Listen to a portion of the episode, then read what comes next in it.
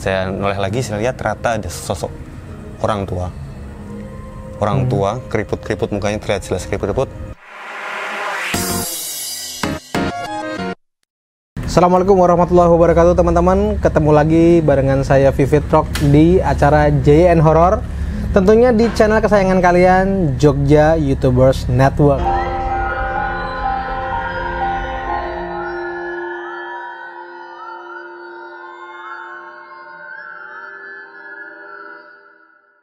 Nah udah lama banget nih kita nggak ketemu ya teman-teman di JN Horror ini Nah kali ini ada yang spesial nih teman-teman Kita kedatangan eh, narasumber dari Jogja juga ya mas ya Jogja, ya. Ada Mas Liming Apa kabar mas?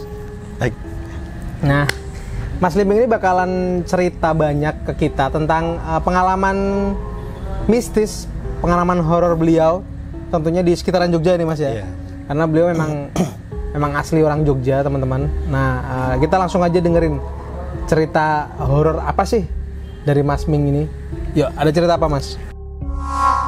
Eh, cerita horor saya waktu saya kelas SMP Oh, berarti ini udah cerita itu sekitar tahun berapa tuh Mas? Eh, sekitar tahun 2006 2007 lah mungkin ya. 2006 2007. akhir tahun SMP gitu loh, kelas 2 Oke, oke. Gimana tuh Mas? Eh, dulu kan waktu itu saya tinggal di daerah Malioboro Hmm. eh, bersama kakek nenek saya. Hmm. Rumahnya itu rumah tua sebenarnya.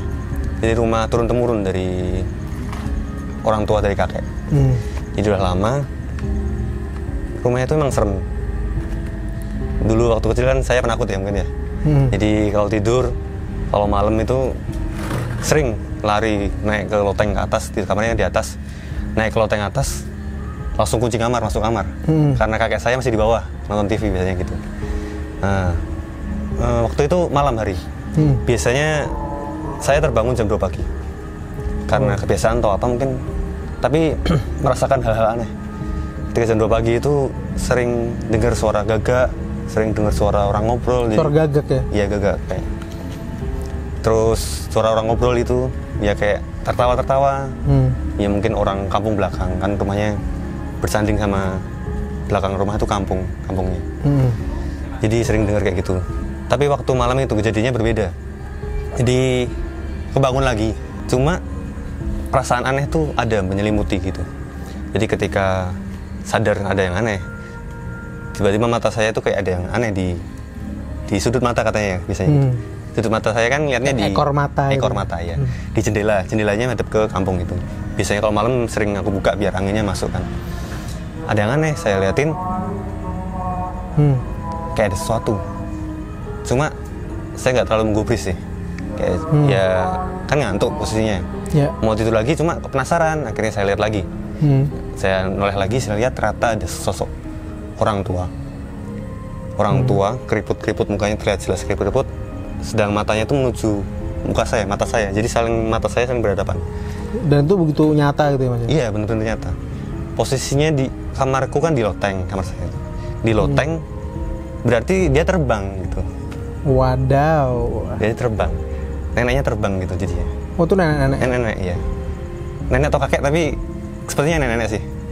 Nggak begitu jelas gendernya. Iya, soalnya kan posisi malam juga ya. Hmm. Tapi anehnya mukanya itu seperti di di senterin, seperti dilampuin warna hijau gitu. Padahal Oh. Saya tidur nggak pakai lampu tidur. Hmm, ya, ya, ya. Eh, lampunya aku matiin tapi ketika sad- aku sadar saya sadar itu ada sosok seperti itu langsung saya membalikkan badan tidur ke kasur bawah kasurnya ada dua Hmm. kasur atas sama kasur bawah karena seperti itu saya langsung ketakutan kan posisi malam seperti jam 2 pagi saya langsung pindah ke bawah saya tidur ada tembok Refleks langsung lari atau teriak dulu apa? Eh, enggak enggak teriak Langsung lari. langsung pindah sebelah ya lari sebelah kamar eh, ke kasur sebelah Hmm. membelakangi jendela jadi hadapnya tembok Hmm. Nah, seperti itu saya tidur lagi saya pagi. Tapi setelah itu ada kejadian aneh lagi apa? Eh, Setelah pindah kamar tuh ada kejadian aneh lagi apa? Habis itu udah nggak ada lagi mas? pindah kasur ya, jadi bukan pindah kamar. Pindah kasur. Pindah kasur, kasurnya ada dua. Jadi pindah ke kasur. Tapi nggak udah nggak digangguin lagi habis itu. Eh, beberapa kali sih diliatin ya. Kamar tengah kan kosong. Itu ada meja dupa. Keluarga kan dulu penganutnya Buddha, Konghucu. Ah, hmm.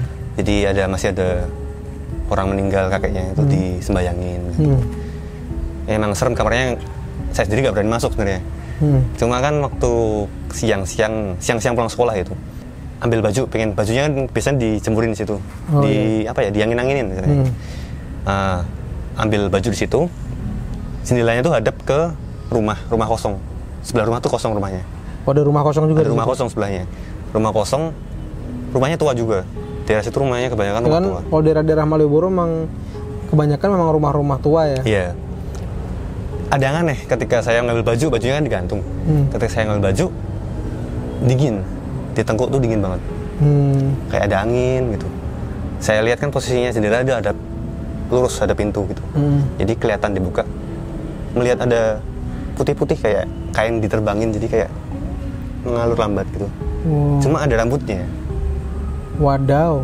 ada rambutnya Berarti orang gitu ya, kayak orang. orang gitu. ya kayak orang tapi mungkin itu juga sama seperti yang kulihat nenek-nenek itu Tapi eh, mukanya nggak kelihatan. nggak gitu. kelihatan dia terbang ke samping gini ketika saya saya sadar ada sosok seperti itu saya lari langsung ke bawah Hmm. saya bilang ke orang tua nggak ada yang percaya katanya kakekku yang udah tinggal lama di situ sendiri pun tidak pernah melihat hal-hal yang ganjil di rumah seperti itu Hmm. tapi berkali-kali saya diliatin seperti itu Wow. Tapi memang eh, buat informasi teman-teman aja bahwa di Jogja memang banyak eh, rumah-rumah tua, rumah-rumah kuno yang Iya. bahkan itu jadi cagar budaya ya. iya banyak Jadi beberapa memang dibiayai oleh pemerintah untuk tetap dilestarikan. Jadi tidak nggak akan direhab eh, keluar dari bentuk aslinya gitu. Iya, ya. benar. Dan itu biasanya memang memiliki cerita-cerita tersendiri ya. Mungkin Iya. salah satunya adalah cerita dari Mas Ming ini tadi. Mm-mm. Yaitu ada cerita tentang penampakan kakek-kakek apa nenek-nenek ya Nenek, iya. di rumah itu. Mungkin rumah sebelah itu juga mungkin punya rumah sebelahnya tadi yang kosong tadi juga mungkin punya cerita lain Iya, ya. pasti Pasti ada cerita tersendiri di situ. Iya. Tapi rumahnya masih ada sekarang, Mas. masih ada sampai sekarang pun kadang orang kampung lihat katanya di rumah yang saya tinggalin dulu itu kan sekarang sudah dikontrakin Ya. sering lihat di atas itu kasanya masih ada besar sering lihat ada sosok wanita Di situ. iya sosok wanita rambutnya panjang bajunya putih jadi Oh. jalan di loteng atas itu di rumah yang saya tinggalin itu Kenapa ya? Karena hantu-hantu itu suka dengan baju warna putih ya, Mas ya? mungkin ya Apa nggak ada naptol di sana ya? Iya, oh, naptol. Oke, ada cerita apa lagi nih, Mas? Ah. Selain itu. ada lagi ini juga waktu saya masih kecil sih jadi saya kan sebelum ikut kakek nenek ngontrak ikut papa mama Hmm. di daerah Godian sana Daerah Godian berarti Sleman ya? Iya, Sleman, Godian. Eh, biasa kan orang anak-anak kampung kalau malam kan sering keluar Hmm. jalan-jalan ke mana gitu. Nah, waktu itu sama teman-teman ngambil tebu. Oh iya, biasanya kalau anak-anak di kampung tuh suka ngambilin tebu gitu Ya, ya? tebu orang. tebu orang diambil, dimakan gitu. Waktu nikmatin ini duduk di seberang jalan. Jadi jalan itu memang sepi jalan kampung, jalan desa. Hmm. Sepi, makan tebu. Waktu itu pandangan saya lurus ke depan sambil ngobrol kan. Depannya itu jalan, terus ada sawah. Hmm. ada sawah, depannya itu ada rawa. Hmm. Di seberang rawa ada rumah. Ada beberapa rumah sebenarnya. Cuma waktu saya makan tebu, saya ngelihat di rumah itu ada rumahnya tuh nggak begitu besar, cuma ada kaca besar banget jendela. Hmm. Jendelanya besar dan ada dua orang seperti memakai mukena, Hmm. seperti sholat nih mungkin ya. Warna, lampunya tuh terang banget, jadi kelihatan jelas banget kalau itu dua orang pakai mukena. Dan tiba-tiba seketika itu teman-teman saya pada berteriak, Pada teriak gitu ya? Iya, teriak pocong bilangnya, pocong, pocong gitu. Hmm, padahal yang Mas lihat adalah orang gitu ya? Rumah ada orangnya, Hmm. pakai mukena seperti dua orang. Pada teriak pocong, pada lari. Spontan kan saya juga ikut lari, Iya. karena mungkin pocong beneran datang atau ke mana. Sampai di rumah kami, saya tanya nih ke teman-teman, pocong apa bilang gitu. Katanya katanya pocongnya terbang, datengin ke arah kita bilang gitu. Saya penasaran, saya nggak lihat pocong bilang gitu. Terus keesokan harinya saya penasaran kan, saya uji saya uji ke sana lagi, saya lihat udah terang gitu aku lihat ternyata ada yang ganjil Gimana tuh? Secara nggak sadar ternyata rumahnya itu yang saya lihat tidak punya jendela Yang tadi malamnya dilihat ada jendela, ternyata Iya. setelah pagi didatengin nggak ada jendelanya? iya sama sekali nggak ada jendela full tembok Wow. jadi saya penasaran sampai sekarang pun saya nggak mengerti itu yang saya lihat dua orang itu apa sebenarnya atau itu pocong Tapi itu yang ngelihat nggak cuman satu orang mas, banyak. ada enam orang lima orang lihatnya pocong semua Sama yang dilihat ya. ada lima orang lihatnya empat pocong semua saya lihatnya nggak pocong saya lihatnya jendela itu ada dua orang Tapi setelah dilihat ternyata nggak ada jendelanya. nggak ada jendela full tembok semua Wadaw. nah itu atau itu yang pocongnya mungkin ya Jadi bisa jadi eh, beda penglihatan tapi sebenarnya objeknya sama iya mungkin. sama ya. musiknya Sama-sama hal ganjil ya. iya gagal ganjil Yang satu lihat pocong, yang satu lihat rumah ada jendela, ada dua orang pakai mukena. Iya, benar. Setelah di cross check ternyata nggak ada jendelanya gitu. iya Wow. Itu aja mas ceritanya hari ini. Apa Ah. ada cerita yang lain? ada satu lagi sebenarnya Boleh ceritain dong. Hmm, sebenarnya kan kata orang sih kata orang tua kata Hmm. papa saya gitu. Saya itu diikutin anak kecil katanya gitu. Hmm, hmm, hmm. cuma saya nggak percaya ya. Saya nggak pernah lihat diri juga selama ini. Cuma berkali-kali diganggu sih cuma bukan diliatin cuma di kayak apa ya bukan mungkin di- nggak percaya diikutin cuma digangguin. Hmm, ya ya.